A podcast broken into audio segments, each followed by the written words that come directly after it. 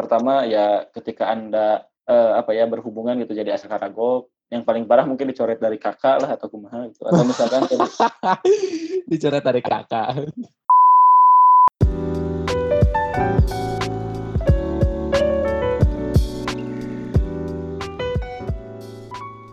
Oke, kembali lagi di Persepsi Podcast Persepsi dan kali ini kita kedatangan lagi seorang tamu. Sebenarnya bukan tamu sih. Dia ini adalah co-host kita dari Persepsi yaitu Mas Nunu. Eh, eh lu masih co-host lah di sini. Ya, ya. Gue tidak Alhamdulillah. tidak, eh. tidak pernah mengusir lu jadi co-host di Persepsi kali ini gitu. Oke, oke, Iya. oke. Jadi ini si si Nunu ini kan uh, sudah selesai nih uh, skripsinya, sudah sidang akhir juga gitu. Jadi uh, dia ini bakal janji untuk menemani gua di episode-episode persepsi karena dia sudah tidak ada alasan lagi untuk hadir Ah, di tapping episode. Betul. Betul. Sudah tidak ada beban dan ya gabut lah. Oke, jadi kali ini kita akan membahas mengenai satu hal yang mungkin sebenarnya udah udah umum kali ya, udah sering dibahas juga sama konten eh, konten kreator yang lain gitu. Yaitu membahas mengenai rendang tapi lengkuas. Asik. Lu lu pertamanya gini deh, eh, lu pernah merasakan gak sih ketika lu membeli nasi padang terus lu memesan satu bungkus nasi padang dengan isinya rendang gitu biasanya kan harganya ya lima belas ribu lah enam belas ribu gitu Nangor terus ketika lu Pak. makan rendang oh iya bisa 10 lah ya di kita Sepuluh ribu lah. terus ketika lu buka tuh si nasi padangnya pas lu punya rendangnya ternyata kagak bisa digigit ternyata lengkuas dan lu kena kena prank dari si Emang nasi padang. nasi padang itu sendiri gitu. Tapi gue nggak akan ngebahas prank-prankan. Gue bakal membahas eh, satu hal yang dinamakan hoax gitu. Itu kan satu satu hoax tersendiri gitu. Ketika lu memberi membeli sebuah rendang tapi dikasihnya lengkuas gitu kan. Nah begitu juga begitu juga satu kejadian yang sedang ramai gitu di masyarakat bahwa ketika kita membaca satu berita atau satu informasi ternyata kita diprank oleh berita itu sendiri. Ternyata beritanya Siap. bohong ternyata beritanya hoax juga dan itu menjadi satu hal yang kita khawatirkan gitu. Nah Betul. pertamanya gini sih nu. Gue pengen nanya dulu nih. Eh, lu adalah seorang peneliti lepas kan ya Terus Oke. juga lo pasti punya keresahan dong tentang si hoax ini nih. Bahkan gua pernah melihat lo membuat membuat satu tulisan di sosial media mengenai si hoax ini gitu. Apa sih yang sebenarnya lo keluhkan diri dari dari dunia hoax ini? Oke, ya eh, sebelumnya orang nyapa dulu lah ya sebagai co-host itu debut ya. ya. Kemarin kan kemarin kan bintang tamu ini. Enak kan Oh, iya, so-. Iya, anda, anda anda turun ini ya turun derajat ya di sini ya. Eh, baik tenan naon bro. Selagi selagi masih bisa ngomongnya tuh masalah. Oke. eh, selamat malam teman-teman persepsi lovers. Ah, Konsepsi lovers. Ya, eh, lo lo udah kayak band aja ya, ya udah garkan konsepsi lover gitu. persepsi lovers atau eh, sobat sobat persepsi kan ya naon lah gitu kata Iya, Oke. siap. Ngomong soal hoax gitu. Tadi eh, Mas MC nih, Mas Budi sempat ngobrol di awal nih dan eh, ini jadi tajuk utama kita nih soal eh, apa sih rendang yang isinya lengkuas. Sebenarnya kalau jauh sebelum sebelum kita bahas hoax lebih lanjut, terutama di soal berita ya, soal berita soal hal-hal yang emang sekarang lagi banyak sebenarnya ya hoax ini di kehidupan kita sendiri gitu sebenarnya sangat-sangat akrab gitu ya. Pertama tadi contohnya eh, rendang ren- kasus rendang lengkuas itu mungkin teman-teman juga kesel. Nah terus salah satu lagi yang ikonik nih, yang ikonik sekali hoax sepanjang masa mungkin bagi masyarakat kita adalah eh, kasus kue. Aduh, eh sorry, kasus se- sebuah kue yang eh, sebenarnya Ya kue yang isinya Ininya rengginang kan, lu mau ngomong itu kan? Ah, nah, eh, kue isinya rengginang lah atau misalkan ada satu wafer gitu tapi isinya adalah kue kiloan lah atau misalkan naon lah gitu. Tentu kan apa ya eh, kita punya ekspektasi terhadap apa entah itu rendang atau entah itu eh, kue gitu. Apalagi kalau misalkan si si wadah nate apa ya si si kaleng nate masih mulus gitu otomatis Oh kan ah, iya, iya mah bener. Yang baru beli di toko tuh. Eh, iya bener ya iya iya si yakin ya isinya kue terus dibuka kan isinya ra- rengginang kan nah itu salah satu maksudnya apa ya ilustrasi yang jelas lah soal uh, masyarakat kita dengan berita hoax gitu dan nyambung ke uh, keresahan yang orang bikin di salah satu di status salah satu sosmed uh, yang orang punya ada uh, ada beberapa hal yang buat uh, kenapa sebis kurang bisa sampai bikin status yang kayak gitu? Itu simple tapi ny nyelekit itu. Karena emang uh, taraf taraf masyarakat kita percaya hoax tuh nyeredan pisan lah itu istilah nama. Pertama tentu uh, apa ya apa yang terjadi di lingkungan orang sendiri sih bagaimana uh, orang-orang terdekat gitu. Meng, apa ya istilahnya mah melihat berita itu selalu melihat uh, apa ya ya istilah nama nggak nggak ada nggak ada batasan mereka mau baca apa gitu. Apalagi kan sekarang mah berita atau informasi-informasi kan mudah mudah didapat gitu. Entah itu dari berita, ya, ya, ya. berita opini opini individu. Misalkan kalau di beberapa sosmed macam lain kan biasanya suka yang bikin status panjang-panjang tuh dengan terus viral gitulah uh, bisa jadi lewat lewat akun-akun post atau apalah gitu pasti ada akun-akun fakta informasi gitu dimulai di Twitter kemudian ke IG gitu. Dan ya tentu uh, berita-berita hoax ini banyak gitu dan uh, kemudian ya banyak orang-orang di terdekat orang itu percaya itu percaya begitu saja gitu ketika baca baca baca wah ini gini gini. Terus jadi obrolan di uh, di satu lingkungannya gitu. Tentu kan uh, itu jadi salah satu hal yang bahaya gitu. Ya, seperti tadi Mas Budi sempat singgung di awal gitu. Ini salah satu hal yang mengkhawatirkan dan uh, makanya kenapa orang sampai bikin status meskipun sebenarnya nggak apa ya nggak ngaruh sih sebenarnya gitu kalau misalkan kita nggak gerak tapi seenggaknya itu jadi salah satu bentuk ekspresi atas kekhawatiran orang gitu terhadap berita hoax yang sebenarnya makin sekarang uh, malah makin parah gitu bukannya makin reda gitu oke okay lah kalau misalkan uh, pas pertama-pertama ada sosmed atau misalkan orang-orang pertama interaksi sama sosmed itu nggak jadi masalah karena uh, pasti ada ada ada kultur shock di masyarakat. Jadi ketika lihat berita oh pasti. Tapi kan kalau sekarang ya masyarakat udah kayak akrab lah dengan sosmed dan berita gitu dan uh, dengan mereka percaya hoaxnya asa asa kulewi gitu. Tapi memang pada akhirnya ya faktanya seperti itu gitu di masyarakat dan ada banyak faktor gitu. Itu sih Mas Bud. Jadi ya kesel ya gitu Iya. iya. Dan, okay.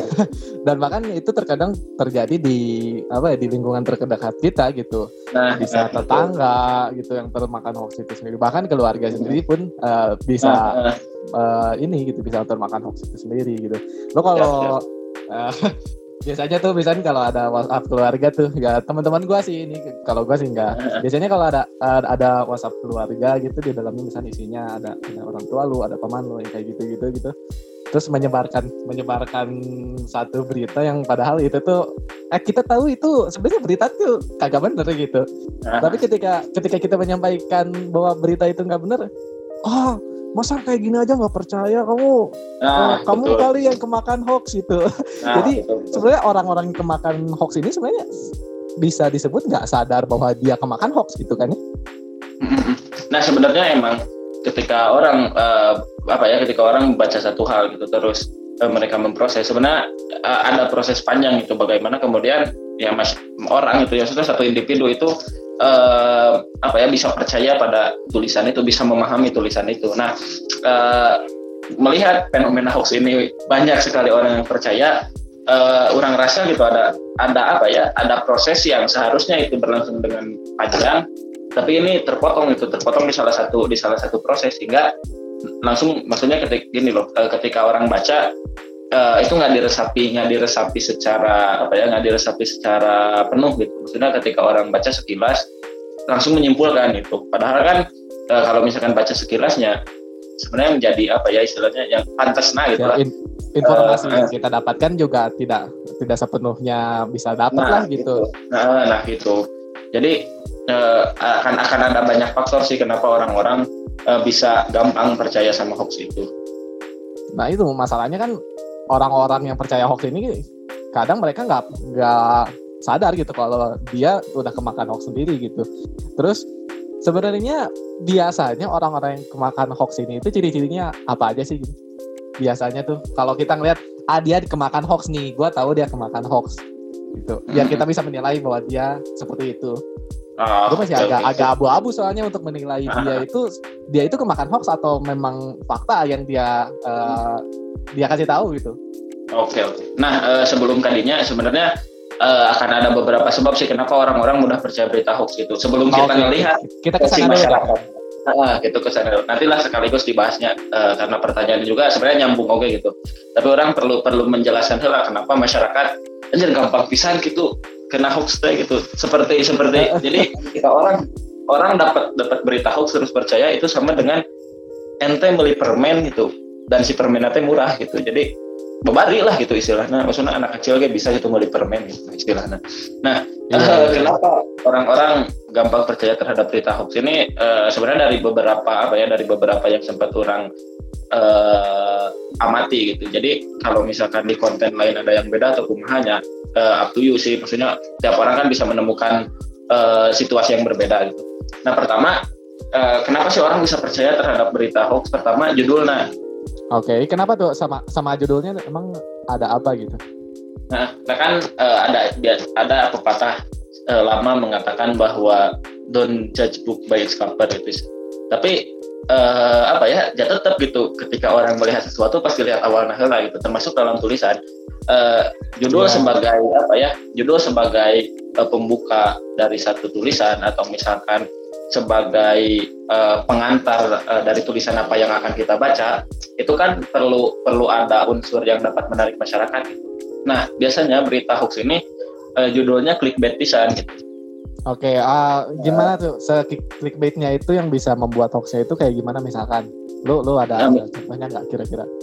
Misalkan ginilah, uh, ada beberapa orang sih nggak nggak karena diinget-ingetnya, maksudnya judul berita judul berita yang uh, hoax tuh misalnya kayak gimana tapi clickbaitnya itu uh, pertama narasi yang di, yang dibentuk itu melebih dilebih-lebihkan gitu. misalkan okay. oh apa sih oh, non misalkan uh, jangan salah bla bla bla bla atau misalkan wah uh, biadab bla bla bla bla bla pokoknya istilahnya judul-judulnya itu menarik orang untuk uh, membaca tapi ada apa ya ada unsur-unsur yang dilebih-lebihkan loh apalagi kan masyarakat masyarakat kita mah ya uh, kita senang atau tidak senang ya akui saja gitu. Untuk hal-hal yang apa ya untuk hal-hal yang heboh tuh resepisan gitu. Maksudnya kayak atensia tuh uh, lebih lebih lebih apa ya lebih lebih fokus dengan berita-berita yang yeah. heboh gitu yang wow gitu. Nah orang-orang yang bu, bikin berita hoax ini biasanya membuat judul-judul yang panjang atau misalkan yang menyulut masyarakat untuk gampang percaya gitu dengan narasi-narasi kayak gitu. Misalkan uh, apa ya kayak narasi-narasi wah jangan naon gitu. Atau misalkan uh, kamu harus tahu bla bla bla bla. Jadi ada ada tekanan untuk masyarakat percaya gitu. Bisa jadi uh, kamu oh, wajib ya. tahu atau misalkan uh, apa ya ya pokoknya bisa maaf ya menuntut masyarakat mendorong masyarakat untuk melanjutkan baca gitu. Atau misalkan ada judulnya yang dipotong gitu jadi wah iya penasaran naon atau misalkan judulnya yang kontroversial gitu uh, kayak uh, Rontai Presiden mengadakan konser gitu. Nah, nah itu, itu sebenarnya jelas sih kelihatan kalau kayak gitu. Satu, nah, gitu. Maksudnya kayak clickbait dan apalagi kalau misalkan si berita itu turun ketika, ketika sekarang masa PSBB, otomatis kan akhir naon iya wah atau mahal gitu wah. Jadi uh, pada akhirnya ya judul-judul clickbait ini menjadi jembatan masyarakat untuk membaca gitu, untuk membaca, untuk menyaring informasi tanpa uh, apa ya tanpa berpikir banyak gitu Kenapa? Karena di judul misalkan sudah di ini gitu kayak ada spoiler lah meskipun sebenarnya ya isinya tuh bohong gitu atau isinya salah. Dan celakanya eh, teknik penulisan seperti ini bukan hanya terjadi di berita hoax tapi di berita-berita yang lain juga gitu. Dan eh, apa ya penggunaan narasi narasi seperti ini sih jujur kalau orang sendiri rada ganggu sih. Berarti kalau kayak gitu, gue melihatnya bahwa kalau kita melihat redaksi dari si judul itu sendiri, kita udah susah membedakan dong antara uh, judul yang terlihat ini hoax sama judul yang ya kayaknya ini fakta deh gitu. Kalau memang, dua-duanya dari berita itu adalah memang mengincar istilahnya clickbaiting uh, supaya dilihat oleh masyarakat. Betul sih memang pasti dan uh, apa ya dan apalagi kalau misalkan kita melihat apa ya cara kalau misalkan teman-teman di penulisan sih pasti tahu tentang SAO ya tentang SAO soal copywriting. Oh, iya, iya. itu pasti bakal bakal tahu soal apa ya soal uh, biner yang dipunya oleh Google gitu. Jadi untuk apa ya untuk bikin si tulisannya bisa di trend, uh, trending itu harus pakai kata kunci apa. Terus uh, istilahnya harus pakai harus apa ya mengandung tulisan apa itu ada ada ada ininya tersendiri dan orang-orang yang udah biasa nulis uh, ya pasti akan familiar dengan dengan SAO. Nah tapi uh, da, makanya kemudian uh, apa ya ya bahkan berita yang fakta sekalipun itu bakal bakal pakai judul yang sama juga gitu. Makanya sebenarnya kalau dari judul sih agak susah. Nah ciri-ciri uh, uh, apa hal yang membuat orang percaya terhadap berita hoax yang kedua adalah ketika emang judul kan samar nih man Yeah. Judul nih samar nih, judul samar. Ya maksudnya berita yang fakta pun bisa jadi uh, ini karena pakainya clickbait gitu untuk menarik minat orang buat baca. Nah yang kedua eh, rata-rata gitu yang orang temukan gitu narasi dari berita hoax ini uh, ada penekanan masyarakat untuk berpikir secara emosional. Ada penekanan oh, iya, iya, iya. Okay. Tadi kan orang di awal bilang bahwa proses membaca uh, tiap orang itu ada proses yang cukup panjang. Misalkan baca terus mencerna, memahami. Nah, uh, tulisan-tulisan yang hoax biasanya gitu, meskipun nggak semua, tapi kebanyakan dan sepertinya pola ini masih sangat disukai oleh para pembuat hoax. Itu narasi yang menekan dan yang cenderung membuat masyarakat untuk emosi gitu. Maksudnya emosinya terbawa gitu dan berpikir secara emosional. Jadi pada akhirnya oh, nanti si oh, masyarakat setelah baca itu bukan bukan apa ya bukan soal dia tahu informasi A atau B, tapi mereka harus bersikap A atau B. Nah biasanya biasanya menggiringnya ke sana gitu. E, dan ya maksudnya kata-katanya pun pasti provokatif. Misalkan wah e, dia tidak bertanggung jawab atau gimana lah gitu. E, dan itu banyak itu ditemukan ditemukan di berita-berita yang hoax itu biasanya. Nah istilahnya itu jadi jadi apa ya? Jadi hal yang gampang untuk menarik masyarakat untuk mengambil kesimpulan tanpa mencerna terlebih dahulu gitu. Dan ini apalagi kalau misalkan nyerangnya itu pada orang-orang yang emang jarang baca atau misalkan eh, orang-orang uh, yang emang apa ya baca dengan sekilas uh, ketika melihat narasi yang ditekan gitu apalagi uh, untuk sesuatu yang menekan kan pasti apa ya uh, lebih lebih apa ya istilahnya lebih bisa mendorong uh, pola pikir uh, tiap orang dalam membaca gitu. Nah, kemudian narasi-narasi inilah mang yang membuat masyarakat ini langsung mengambil kesimpulan, langsung mengambil apa ya langsung mengambil sikap itu tanpa membaca secara utuh gitu tulisan tersebut gitu bahkan kadang-kadang melihat paragraf awal doang beres itu dan akhirnya wah ini ini ini gini gini gitu ini cuma lihat beberapa paragraf dan karena dia sudah tersulut emosi tulisan nggak dibaca semua ya akhirnya gitu gitu. Ketika emang ngobrol dengan orang lain dia coba mem, apa ya dia coba mem, uh, memper, memberikan uh, pandangan kepada orang untuk percaya dengan apa yang dia katakan dari tulisan yang dia baca. Oh iya, berarti hmm. uh, gimana ya kalau kalau kita melihat melihat narasi dari si hoax ini ini si, si berita hoax ini sendiri, sebetulnya dia lebih ke uh, mempengaruhi emosi dan lebih ke kayak gimana ya? Uh, oh gue setelah baca ini gue uh, diarahkan untuk mengambil sikap A, diarahkan untuk nah, mengambil sikap B gitu, sehingga bahkan berita ini sendiri tidak memberikan kesempatan pada kita untuk berpikir terlebih dahulu, menjernihkan nah. pikiran terlebih dahulu. Jadi nah. langsung langsung kesulut kita harus A, kita harus B, kita harus nah, C, betul, gitu betul. ya berarti kurang lebih kan? Nah, nah betul. Emang sebenarnya uh, apa ya proses membaca apa pun gitu, pada akhirnya kita harus apa ya harus punya uh, harus punya ya, sikap ya, lah gitu. Ya, harus punya sikap lah istilahnya. Cuman uh, tentu kurang berkali-kali bilang kan harus ada proses yang cukup panjang dulu gitu Nah ini uh, dengan berita hoax ini orang bisa mengambil sikap dengan waktu singkat dan uh, apa ya pada akhirnya uh, apa ya yang dibangun itu adalah narasi emosional bukan narasi uh, apa ya narasi intelektual yang benar-benar dari pikiran terus uh, apa ya ada ada pembacaan yang lain atau ada pemahaman yang lain. Dan juga nyambung ke sebab yang ketiga gitu. Kan tadi ada dua nih pertama judul kedua narasi. Nah yang ketiga biasanya uh, tidak ada dasar dari uh, tidak ada tidak ada dasar riset yang jelas gitu. maksudnya ketika orang membaca itu bahkan kadang-kadang apa ya untuk menuliskan peristiwa yang uh, kita sebut fakta lah istilahnya mereka menggunakan uh, perspektif opini gitu. Oh iya iya iya. Mereka tidak berba tidak berbicara by riset gitu by data lah. Nggak ada gitu. Di di berita mereka tuh nggak ada gitu. Hmm, jarang sih hampir jarang. Kalaupun ada kalaupun ada biasanya nih uh, orang pernah apa ya orang pernah uh, menemukan satu artikel uh, satu cuitan sih cuitan sebenarnya uh, seorang public figure di bidang politik. Uh, dia ngomongin soal masalah LGBT uh, ini orang akan bicara soal intinya gitu ya. Karena kan ya maksudnya waktu itu isu sedang ramai gitu. nah dia tuh uh, apa sih mengutip mengutip satu riset mengutip satu riset dari uh, apa ya dari penelitian orang di luar kalau nggak salah satu jurnal di Amerika tapi yang yang bikin orang ngakak tuh dia tuh uh, sedang berbicara tentang mereka yang kontra tentang LGBT tapi mereka uh, apa ya kayak ngutip dari tulisan yang pro. Nah itu salah satu salah satu hal yang menyurut masyarakat buat hoax itu.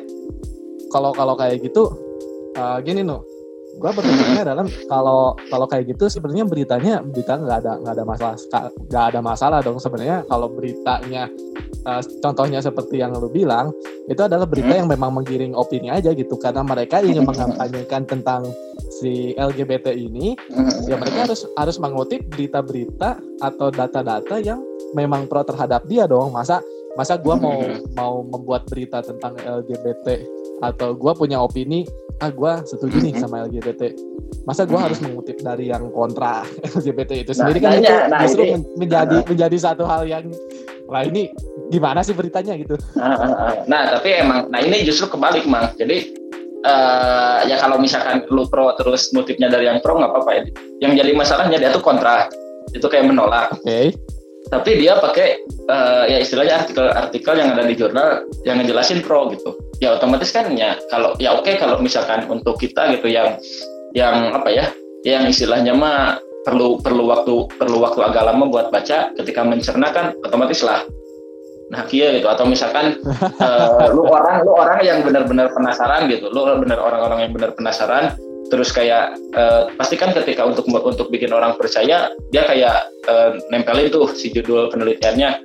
Terus kita cari kita baca si jurnal penelitiannya ternyata pro kan ya itu ini uh, apa sih salah juga gitu. Maksudnya kayak uh, tidak didasari juga gitu. Nah itu sih jadi salah satu dan sebenarnya itu gak, gak bisa dikategorikan dengan hoax juga gitu. Tapi yang yang orang tekankan di sini adalah bagaimana kemudian si berita hoax ini ya justru lebih banyak dipenuhi sama opini dibanding ke riset gitu. Kalaupun ada riset yang dimasukkan, ya itu kadang nggak sesuai atau bahkan nggak nyambung sama sekali. Gitu.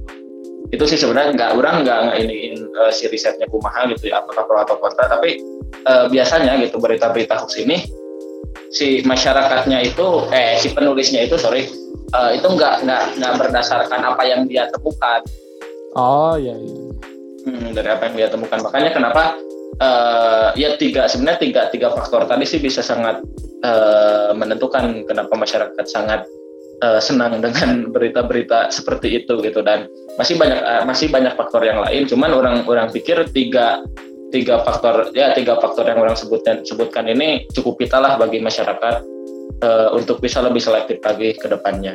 Gitu mas um, gua gua ingin memposisikan diri sebagai masyarakat ya. Ketika okay. ketika gua ketika gua membaca sebuah berita yang satu adalah berita yang uh, by opinion. Adalah sebuah hmm. pendapat gitu beritanya itu oh, pendapat gua bla bla bla bla. Itu berita satu. Dan berita dua adalah berita yang mengenai by riset. Ya riset hmm. ini berdasarkan jurnal ini mem membuktikan bahwa bla bla bla bla bla bla misalkan.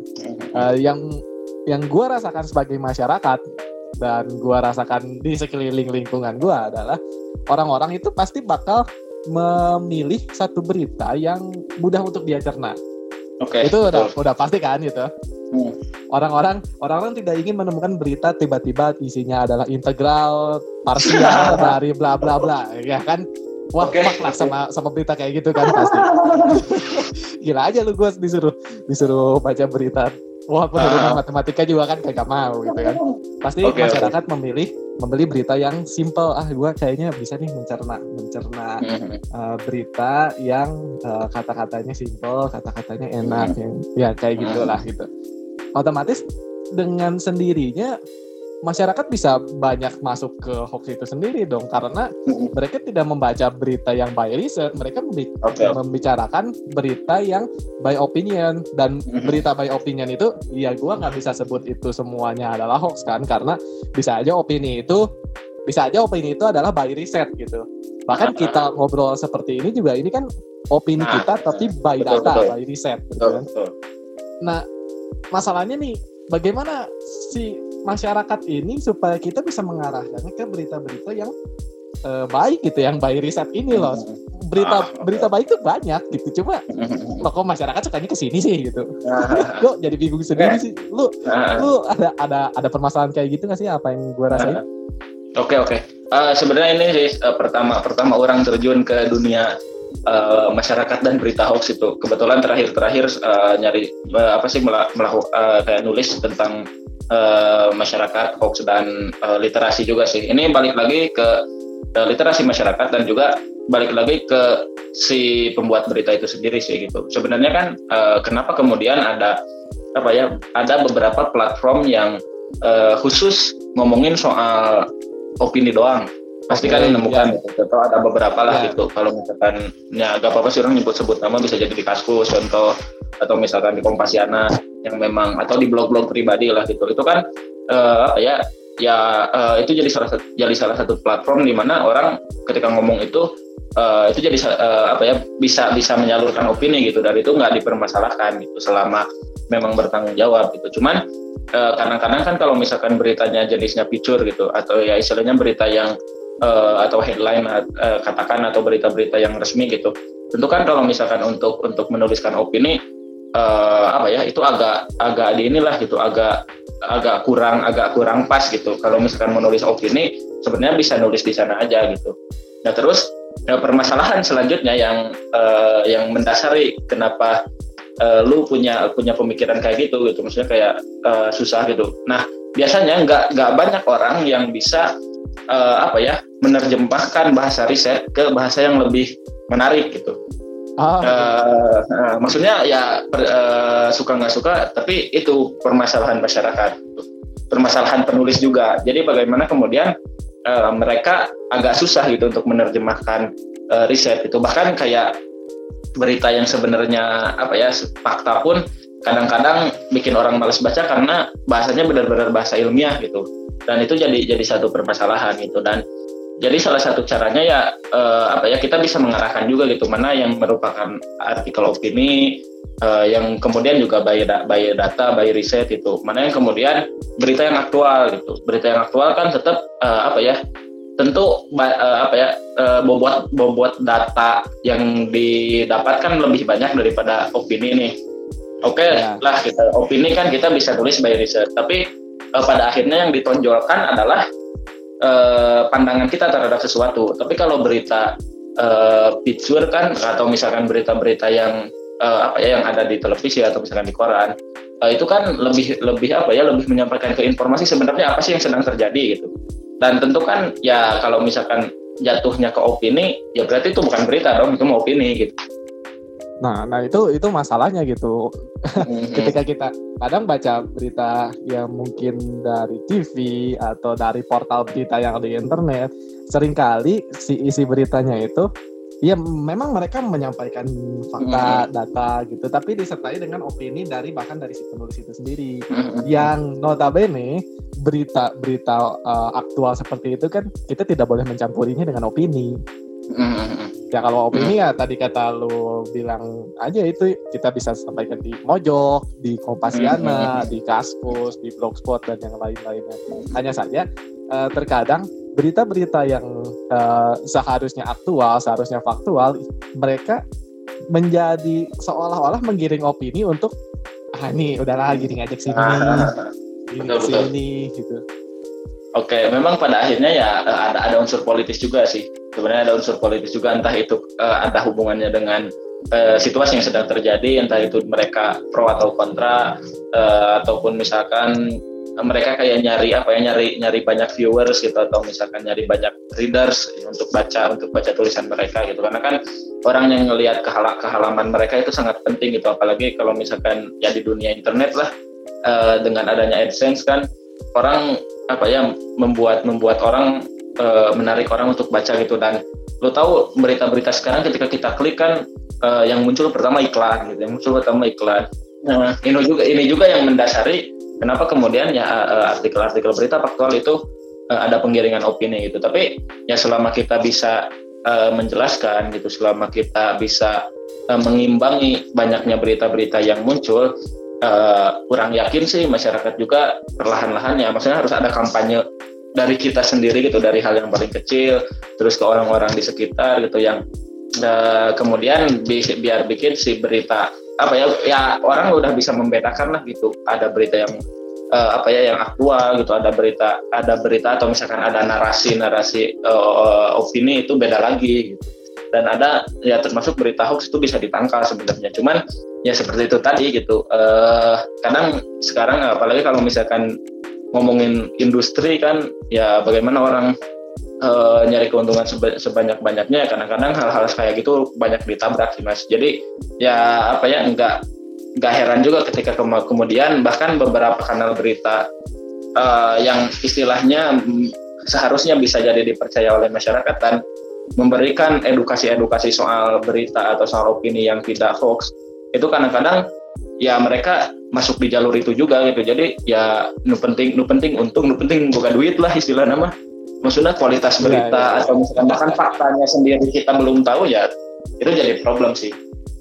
Berarti di sini masalahnya adalah bukan cuma masyarakat doang yang percaya akan berita hoax, tapi hmm. si penyedia dari berita itu sendiri hmm. pun terkadang memiliki masalah karena mereka seolah-olah ini beberapa sih, nggak semua ya, seolah-olah hmm. mereka hanya mencari ah kayaknya uh, kita harus memperbanyak readernya nih, kita harus memperbanyak siapa yang berkunjung pada web ini supaya ya karena berita ini udah bisa dibilang adalah suatu industri juga gitu. betul, Dan betul. kalau namanya industri, ya pasti siapa sih yang tidak berbicara tentang duit di dalam sebuah industri gitu kan? Hmm, betul, itu jadi betul. masalah sendiri itu buat kita.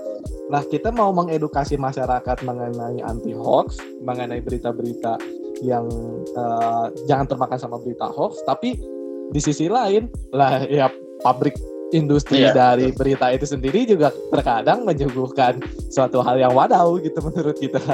Betul betul betul. Nah ini ini menarik sih uh, bagaimana ya di sisi lain kita mengedukasi terus ya mungkin pemerintah juga bergerak atau misalkan individu atau institusi banyak yang ya stop uh, apa sih stop percaya berita hoax atau misalkan kampanye untuk tidak mempercayai berita hoax tapi uh, balik lagi ada ada pihak-pihak yang kemudian memanfaatkan ini gitu sebagai uh, apa ya sebagai ya, ladang duit mereka gitu. ladang duit mereka gitu. Uh, nah, yang mem memanfaatkan sebagai ladang duit sih itu satu di antara beberapa beberapa tipe-tipe orang yang kemudian bikin berita hoax. Tentu uh, tadi seperti orang bilang dengan judul yang dengan judul yang clickbait gitu dengan narasi yang menekan dan uh, apa ya dan menyulut emosi gitu. Ya kadang-kadang uh, banyak kemudian kanal-kanal uh, berita kecil gitu itu uh, menempelkan ya berita sekenanya aja gitu. Dan uh, seperti itu tadi ketika tidak ada riset yang apa ya yang di yang mumpuni gitu. Kemudian banyak kalimat opini yang sebenarnya nggak nggak perlu ada di berita fitur itu uh, jadi apa ya jadi itu ingin menye, apa ya kayak niat menyajikan berita aktual tapi uh, apa ya istilahnya malah nyulut emosi gitu. Nah, itu salah satu dari banyak orang. Gitu. tapi uh, soal berita hoax bukan soal apa ya bukan soal mereka yang nyari uang doang gitu. Biasanya kalau ada maksud-maksud tertentu ada ada ini tertentu gitu. Dan terutama kalau misalkan kita lihat selama beberapa tahun terakhir eh, orang-orang uh, yang terjun di politik gitu itu orang-orangnya sangat kawan so, uh, soal berita hoax gitu. Uh, apa ya kadang-kadang ya maksudnya basis pendukungnya gitu. Bahkan sampai uh, uh, buzzer-buzzer gitu aduh kurang liar gitu yeah. di berita hoax ini ini nyerang ini ini nyerang ini dan uh, yang orang lihat gitu berita hoax ini jadi salah satu metode menjatuhkan lawan yang paling ampuh menurut orang gitu. Iya ya ap apalagi pas di dunia politik itu memang bagaimana caranya kita menjatuhkan lawan politik kita adalah nah. menyebarkan berita hoax itu sendiri itu adalah hmm. salah satu caranya kan. Hmm, nah gitu sebelum sebenarnya kalau misalkan sebelum apa ya sebelum berita hoax ini menjamur mungkin metode-metodenya bisa jadi di kampanye ada ada black campaign gitu uh, atau misalkan ya black campaign yang dalam artian kita ngumpul gitu misalkan uh, ada simpatisan partai ini kampanye terus ngejelek-jelekin yang lain atau misalkan kumaha gitu yang yang cara-caranya masih konvensional gitu. Nah dengan adanya apa ya dengan kemajuan teknologi uh, terus mudahnya membuat berita mudahnya membuat blog atau misalkan ini yang dimanfaatkan oleh segelintir orang untuk uh, untuk apa ya untuk black campaign juga gitu. Dan uh, apa ya ya di di beberapa konstelasi politik tahun-tahun kemarin itu terbukti Oh, uh, ya orang orang orang nggak akan nggak akan nggak akan cerita banyak bukan ranah orang tapi uh, si orang tipe-tipe orang seperti ini tuh memang ini memanfaatkan apa ya memanfaatkan uh, media sosial memanfaatkan kanal berita untuk uh, menyebarkan hoax ini sendiri gitu sehingga orang percaya. Apalagi kalau misalkan udah ngomongin politik atau misalkan di ekonomi ada satu ada biasanya sih uh, apa simpatisan simpatisan perusahaan-perusahaan itu bikin berita yang ini wah ini ngejelekin perusahaan ini. Atau uh, kalau misalkan lo ngikutin dunia artis itu ada artis yang apa ya ya punya hoax apa gitu apa terus kemudian rame gitu dan akhirnya pamornya jatuh. Itu tuh uh, orang-orang tipe-tipe orang kayak gitu juga selain orang-orang yang nyari uang tentunya orang-orang yang punya punya apa ya istilahnya punya uh, hati yang tidak bersih. Gitu. Hati-hati ya hati yang tidak bersih. Uh, ya sangat mudah untuk membuat berita seperti itu. Maksudnya ketika uh, apalagi nih kalau misalkan uh, dia benar-benar nggak suka atau misalkan dia dibayar untuk itu ya itu double gitu udah dia nyari uang lewat berita hoax terus ada di latar belakangi dengan ketidaksukaan terhadap pihak tertentu uh, itu jelas gitu. Mereka adalah tipe-tipe orang yang seperti itu uh, yang bahkan dengan dengan masifnya menyebarkan berita hoax gitu, supaya orang-orang percaya. Dan ya balik lagi gitu narasi-narasi yang dibuatnya pun menggiring opini uh, secara cepat dan membuat masyarakat uh, cepat emosi lah istilahnya gitu. Jadi uh, orang-orang ini tuh membuat orang membuat masyarakat uh, apa ya pikiran itu negatif thinking terus. Gitu. Iya. Uh, mungkin bahasan bahasan kita emang emang cukup berat sih ya kalau kita kalau kita dengerin uh, secara baik-baik gitu. Oke okay lah, uh, permasalahan mengenai si hoax ini uh, kita tidak bisa apa ya tidak bisa mengontrol siapa pembuat dari beritanya itu sendiri gitu karena ya itu bakal terus berdatangan gitu dan oh, kita betul. juga tidak tidak bisa tidak bisa mengeneralisasi bahwa semua berita adalah hoax semua berita betul. adalah uh, sebuah hal yang tidak bisa dipercaya oleh kita banyak kok berita-berita yang bagus banyak yang berita berita yang bisa dipercaya pun banyak sangat banyak gitu cuma betul, hanya hanya karena segelintir orang inilah gitu segelintir betul. orang yang memiliki kepentingan tertentu baik itu otaknya otak duit otak udang, otak politik atau otak-otak yang lainnya lah gitu yang otak-otak uh, memanfaatkan memanfaatkan shock ini. Oke lah kita nggak nggak okay. uh, nggak usah ke karena bagaimana caranya untuk mengusir manusia-manusia seperti ini karena itu udah udah udah yeah. sulit untuk kita untuk kampanyenya. Oh, kita ke satunya lagi aja deh. Kita kita ke satunya lagi aja uh, di mana di sini ada penikmat dari beritanya, tentu kan. Mm -hmm. Ketika ada berita, pasti ada yang membaca gitu. Betul. Ada demand, ada supply gitu kan. Nah, Betul. Nah, kita ke si marketnya aja deh, ke si okay. uh, orang-orang yang menikmati si berita ini sendiri.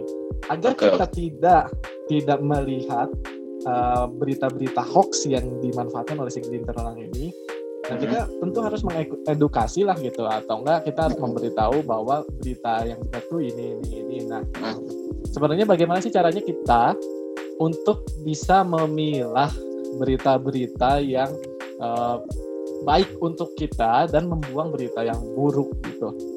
Karena itu yang jadi masalahnya kan ketika ketika berita hoax berseliweran di mana-mana, tapi masyarakatnya tidak percaya sama berita hoax, pasti industri berita hoax ini akan mati dengan sendirinya gitu. Oke. Okay. Gue percaya, gue percaya tentang prinsip seperti itu gitu. Jadi yang penting adalah kita marketnya aja deh gitu si orang-orang ininya aja deh. Gimana caranya biar kita nggak termakan sama berita hoax gitu. Lu punya punya apa ya? Punya cara-cara tersendiri nggak sih? Untuk lu sendiri gitu misalkan bagaimana caranya nggak kemakan sama berita hoax atau nggak lu mengingatkan pada keluarga lu mengingatkan pada tetangga-tetangga lu misalnya. Mengenai okay. mengenai edukasi inilah gitu. Kita ke sana aja gitu. Siap siap. Oke. okay uh, memang ya dari uh, buat teman-teman uh, konsep psikolik ya yang uh, kemudian protes sebenarnya. Uh, nah sih gitu. Uh, kenapa nggak kita cut aja dari produsennya gitu. Sebenarnya susah gitu. Tadi uh, Mas Bud juga udah bilang gitu soal soal sebenarnya ini tuh udah masuk ke sistem gitu. Oh ya nggak dibuang aja sih ini sistemnya gitu. Ya udah mm -hmm. kita buang aja gitu industri hoaxnya gitu uh, agak susah gitu karena ini udah masuk sistem gitu dan untuk uh, merubah sistem perlu perlu kerja keras yang super gitu kalau menurut orang ya. Nah, tentu ya. kemudian ya ininya dari kita sendiri gitu. Uh, tempo hari orang pernah uh, apa ya dengar satu uh, apa ya kayak semacam bukan vlog sih lebih ke talk uh, lebih ke talk show gitu di BBC soal uh, tentang ya berita hoax sebenarnya lebih ke fake news gitu uh, tapi kan karena fake news juga ini jadi salah satu hal yang bisa bikin uh, apa ya yang bisa bisa bikin munculnya berita hoax itu jadi uh, ini bisa jadi bahasan juga gitu uh, menarik itu menurut kurang. Uh, yang pertama uh, edukasi yang paling uh, awal gitu itu uh, balik lagi ke bagaimana cara kita mengampanyekan literasi di uh, keluarga di keluarga atau di masyarakat lah gitu. Tadi kan salah satu karakteristik berita hoax itu di antaranya kan narasinya lebih ke emosi gitu atau misalkan pakai kata-kata yang familiar dan uh, apa ya menjurus ke hal-hal yang emosional gitu Nah, uh, sebenarnya pertama itu kita harus banyak baca sih sebenarnya ya mau gak mau gitu. Mau gak mau pembacaan kita terhadap tulisan itunya harus harus diedukasi dari uh, kesukaan kita nulis gitu. Eh sorry, kesukaan kita baca uh, hal yang mudah lah gitu. Bagaimana kemudian kita bisa mengajak orang baca lebih teliti, baca lebih uh, dalam lah istilahnya gitu. Dan ya itu salah satu salah satu prosesnya gitu. Uh, dan yang jelas juga bagaimana cara bisa kita menang cara kita untuk menangkal berita hoax uh, itu harus ada harus apa ya memaksa orang untuk mencari berita pembanding gitu. Uh, tentu tentu kuma ya uh, oke okay, gitu kita kita uh, dapat satu berita nih. Cuman kita masih ragu atau misalkan kok ini berita agak aneh? Gitu. nah coba kita cari lagi yang lain dan sebenarnya ya pasti susah gitu apalagi dengan situasi literasi masyarakat Indonesia yang ah sudahlah gitu. Uh, ya oke. okay. ya gitu. Orang orang orang bukan bukan menjelekan tapi uh, ya itu fakta di lapangan eh, itu hal yang ada di lapangan gitu ya. Uh, mau gak mau kita akui juga gitu. Uh, tentu uh, kita harus bisa memaksa masyarakat bukan memaksa sih ya maksudnya kita bisa memberikan contoh kepada masyarakat untuk memberikan apa ya uh, ya berita yang muncul dari sumber lain gitu. Ada ada pembanding. Contoh kalau misalkan kasusnya tadi orang agak menarik sih kasusnya tadi di berita apa ya grup keluarga nih kan. Grup keluarga nih okay. kadang-kadang siapa pun nggak post ini wah langsung dibalas wah ini ini, ini gitu. Dan uh, itu gampang sekali hoax. Nah uh, hal yang paling sederhana yang kita lakukan adalah kita nyari berita ya kita coba baca dulu gitu tapi bacanya ya kalau kita sendiri kan karena karena kalau misalkan teman-teman punya kesadaran nih tentu uh, teman-teman bisa baca dulu. Terus kalau misalkan memang ada hal yang mencurigakan atau hal yang janggal yang menurut kita apa ya rawan hoax lah, kita coba nyari artikel uh, pembanding gitu. Jangan sumber yang dari sumbernya sama tapi sumber yang berbeda gitu. Kita coba baca dulu. Kalau misalkan mereka memberi perspektif lain, coba share juga ke grup keluarga atau misalkan ke ya, teman-teman atau misalkan kepada orang yang uh, apa ya uh, orang yang ya percaya terhadap berita satu berita tersebut. Kadang-kadang kan ada orang yang uh, misalkan baru baru baca satu berita langsung percaya atau misalkan baru baca satu buku langsung percaya dan langsung bisa ngomong kuar-kuar gitu. Nah kita coba kita coba apa ya? Uh, kita coba berikan edukasi gitu dengan share juga uh, dan kita pun nggak nggak membalasnya dengan emosional juga karena kalau misalkan kita membalasnya dengan emosional bahaya Wah, apalagi di grup keluarga tuh ya, udah emosi emosi live grup, wah udah bermasalah. Ya, udah bermasalah nanti pertama ya ketika anda uh, apa ya berhubungan gitu jadi asal karago, yang paling parah mungkin dicoret dari kakak lah atau kumaha itu atau misalkan jadi, dicoret dari kakak. Jadi ajakan reunian keluarga gitu ya bisa jadi kan gitu. Uh, dan tentu kita pakai cara-cara yang halus gitu, misalkan share uh, mungkin ini bisa dibaca untuk menambah ya maksudnya narasi-narasi yang uh, bikin adem ya, lah. menenangkan lah gitu ya. Menenangkan uh, gitu. Jadi uh, apa ya atau misalkan kalaupun mau ngomong kalau misalkan lo tipe orang yang berani buat speak up di keluarga atau misalkan di di lingkungan uh, anda gitu ya pakai bahasa yang lebih halus gitu. pakai bahasa yang lebih halus yang enggak enggak menyulut emosi lah gitu orang kan biasanya kalau misalkan apa ya kita bersikap lembut gitu orang jadi bisa mempertimbangkan lah gitu. Beda kalau misalkan ketika dia tuh uh, baca berita hoax terus uh, kesulut emosi. Nah kita juga emosi karena dia dia hoax dia terkena hoax terus kitanya emosi kita balas dengan emosi juga. Itu mah ribut gitu. Ya misalnya gelut gelut sekalian lah gitu. uh, tidak baik gitu. bukannya, ngajak berantem itu ya. uh, gitu. Bukannya bukannya bukannya menyelesaikan masalah tapi nambah masalah gitu. Hoax gak berhenti kita babak belur gitu ya hindari lah hindari. Gitu itu yang pertama sih lebih ke uh, kita bisa memberikan apa ya uh, termasuk dari kita sendiri gitu. Kita bisa nyari hal-hal yang bisa per, uh, pembanding terus lihat. Nah kalau bisa sih lebih dari duanya karena bisa jadi kalau misalkan uh, cuman dua mah yang satu sama yang satu lagi kan itu masih apa ya uh, masih ragu gitu. Mana sebenarnya uh, narasi yang lebih uh, mendukung dan memungkinkan hal itu adalah sebuah fakta gitu karena uh, bisa jadi beberapa kalaupun sudut pandang beda tapi ketika uh, apa ya hal yang disampaikan itu adalah hal yang sebenarnya itu ada mirip-mirip atau bahkan sama gitu.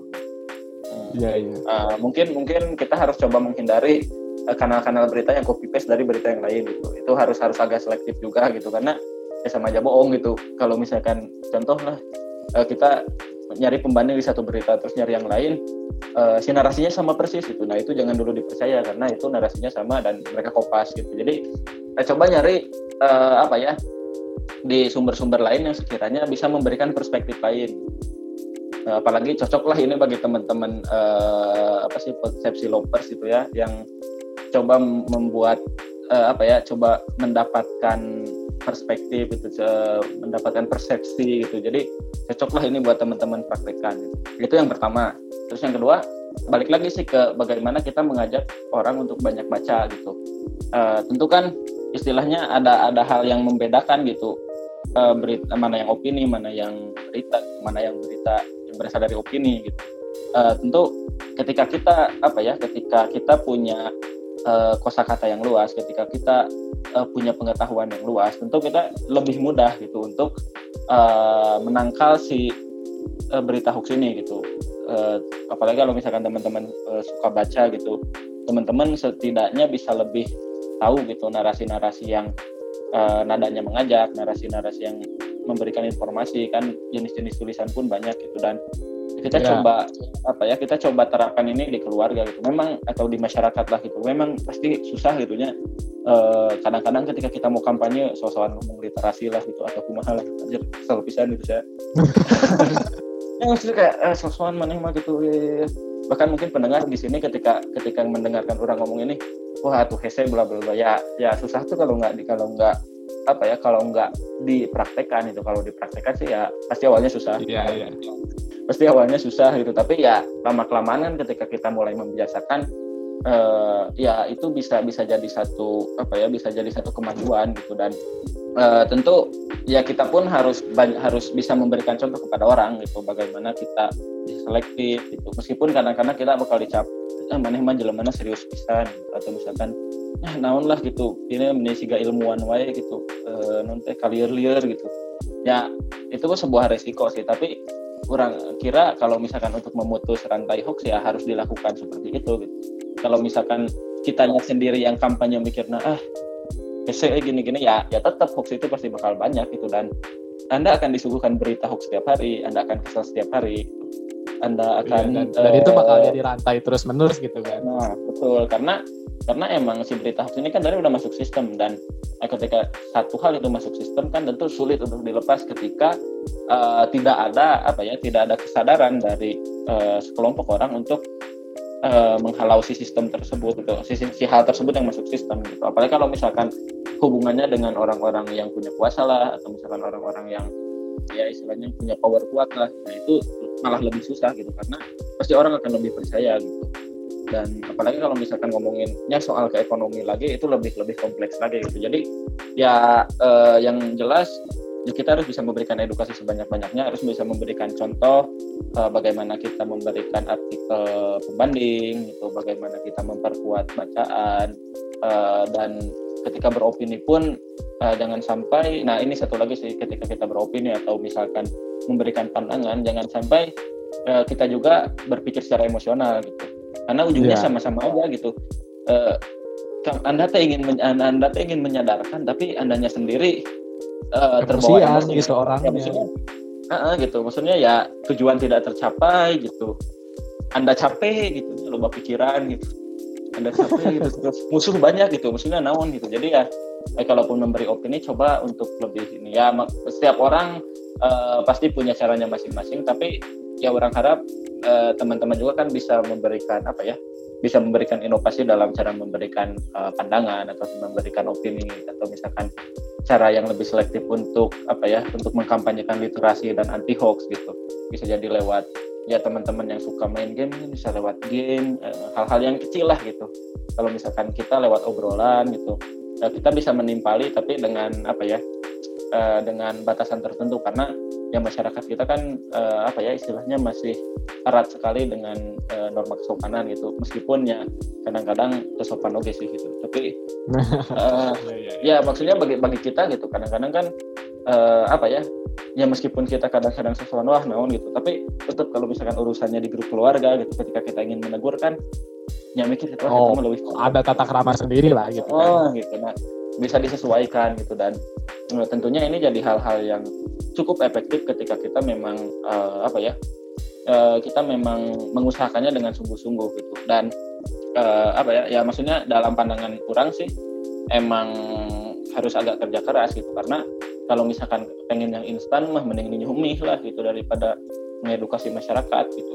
Eh, dan masak mie pun kan nggak instan instan banget gitu.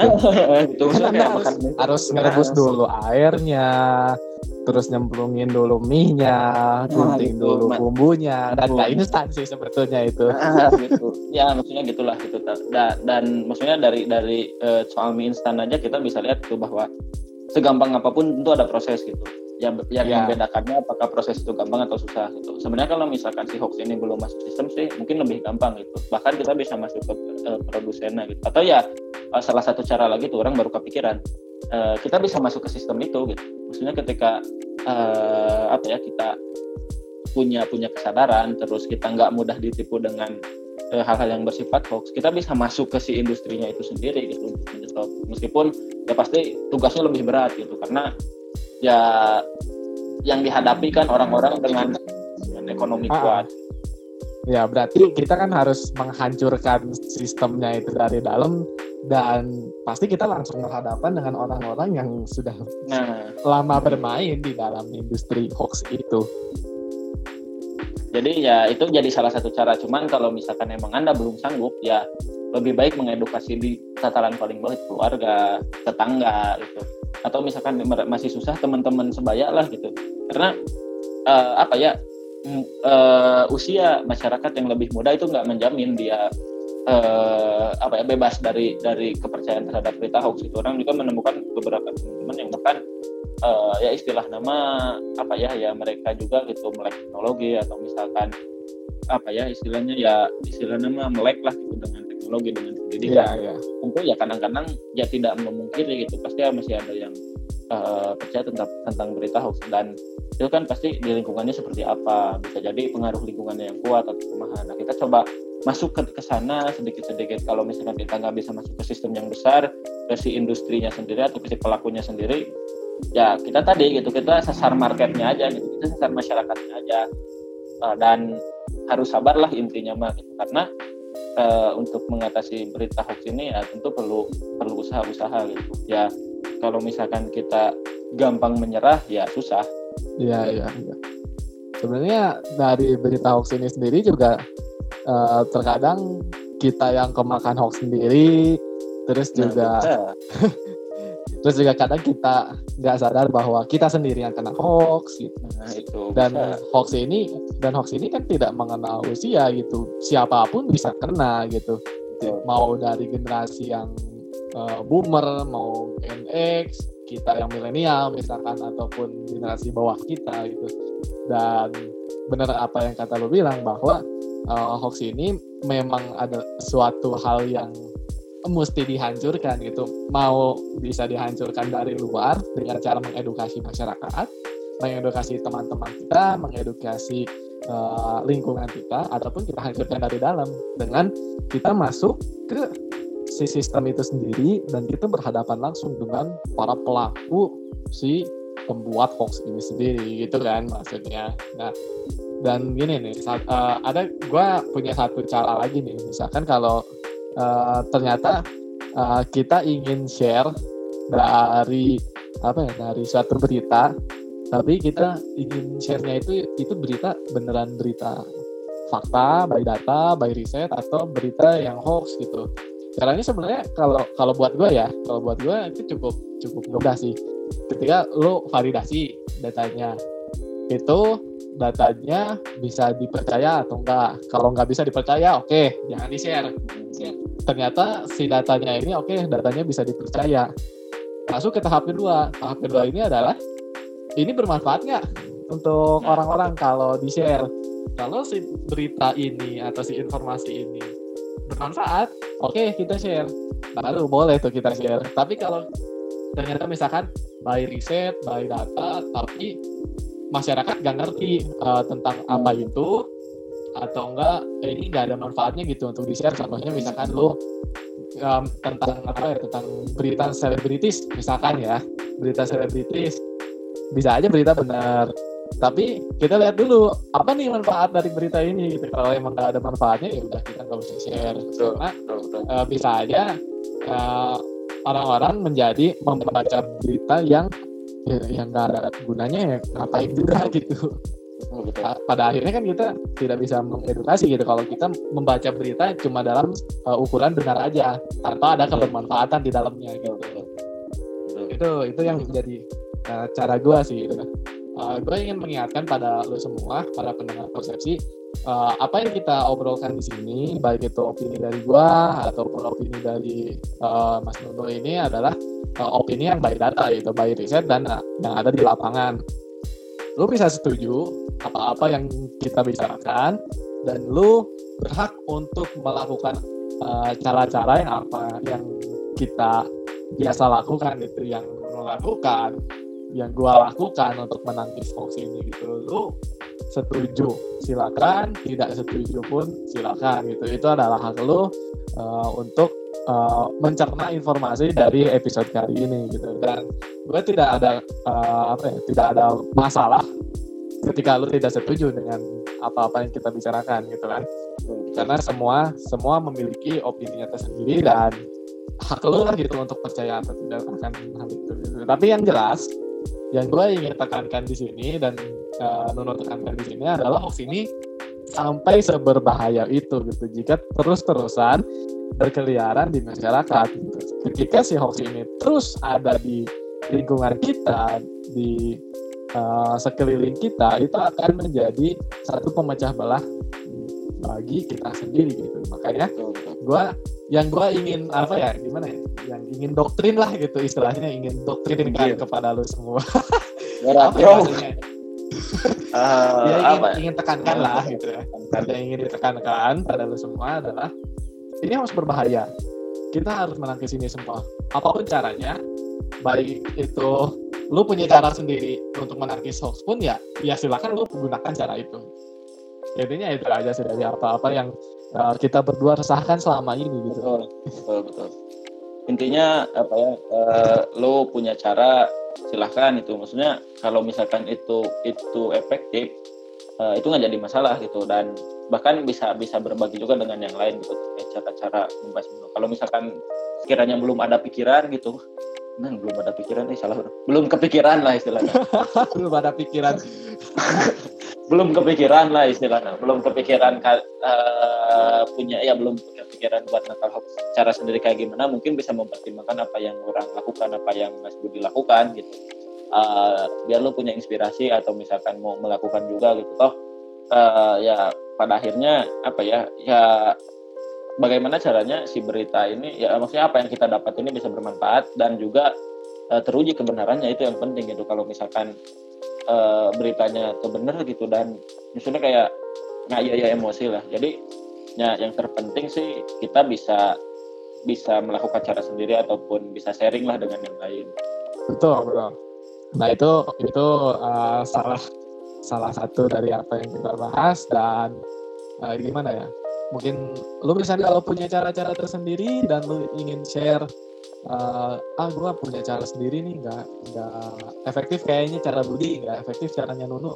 Lo misalkan mau share itu semua lo bisa uh, misalkan mau cerita juga sama kita lo bisa kirim uh, cerita-cerita lo di uh, email kita di podcastpersepsi@gmail.com lo bisa tag Instagram kita misalkan lo punya pendapat apa sih gitu mengenai si hoax ini setelah mendengarkannya lo bisa tag kita di podcast persepsi di Instagram ataupun di Twitter eh Twitter kita punya sih kagak ya mana masuk pohon sejak kapan ya? kita punya Twitter podcast pak Oh iya iya. Oh, iya. lupa lupa saya. Oke, orang Maaf orang, lah. orang orang sibuk skripsi gitu terus uh, orang baru debut sekarang itu buat jadi co-host. Tapi ya orang nggak selupa itu, Pak.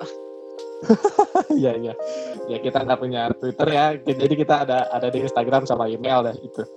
Terus kalau lo mau mengajak kita bincang-bincang, lo bisa add kita di Nur underscore Pambuedi atau di Anugrah underscore 37. Bener kan itu ya? Betul. Uh, uh, itu mah balik lagi ke Anda, Anda mau follow silahkan. Anda nggak juga terjadi masalah. Itu toh ada wajibnya sholat. Iya, sholat, puasa Ramadan. itulah udah daripada kita ini kita juga udah satu jam ngobrol ngalor gitu jadi mungkin kita udahan aja kali ya untuk episode kali ini. Oke jadi uh, terima kasih nih untuk para konsepsionis udah mendengarkan episode kita udah mendengarkan episode yang mungkin ketipu dengan thumbnailnya atau apalah itu lo bisa sebut itu Nah ini juga salah satu salah satu salah satu clickbait ya itu satu clickbait. Tapi uh, kita jamin ini bukan ini bukan hoax. Ini adalah salah satu seni dalam menarik minat masyarakat. Asli lah gitu karena kalau misalkan enggak seperti ini ya susah. Iya begitulah ya. Oke jadi itu aja dari kita berdua. Dua host Konsepsi dan Nunu sebagai co-host kalian pamit undur diri. Terima kasih telah mendengarkan. Sampai jumpa di podcast-podcast selanjutnya dari Konsepsi.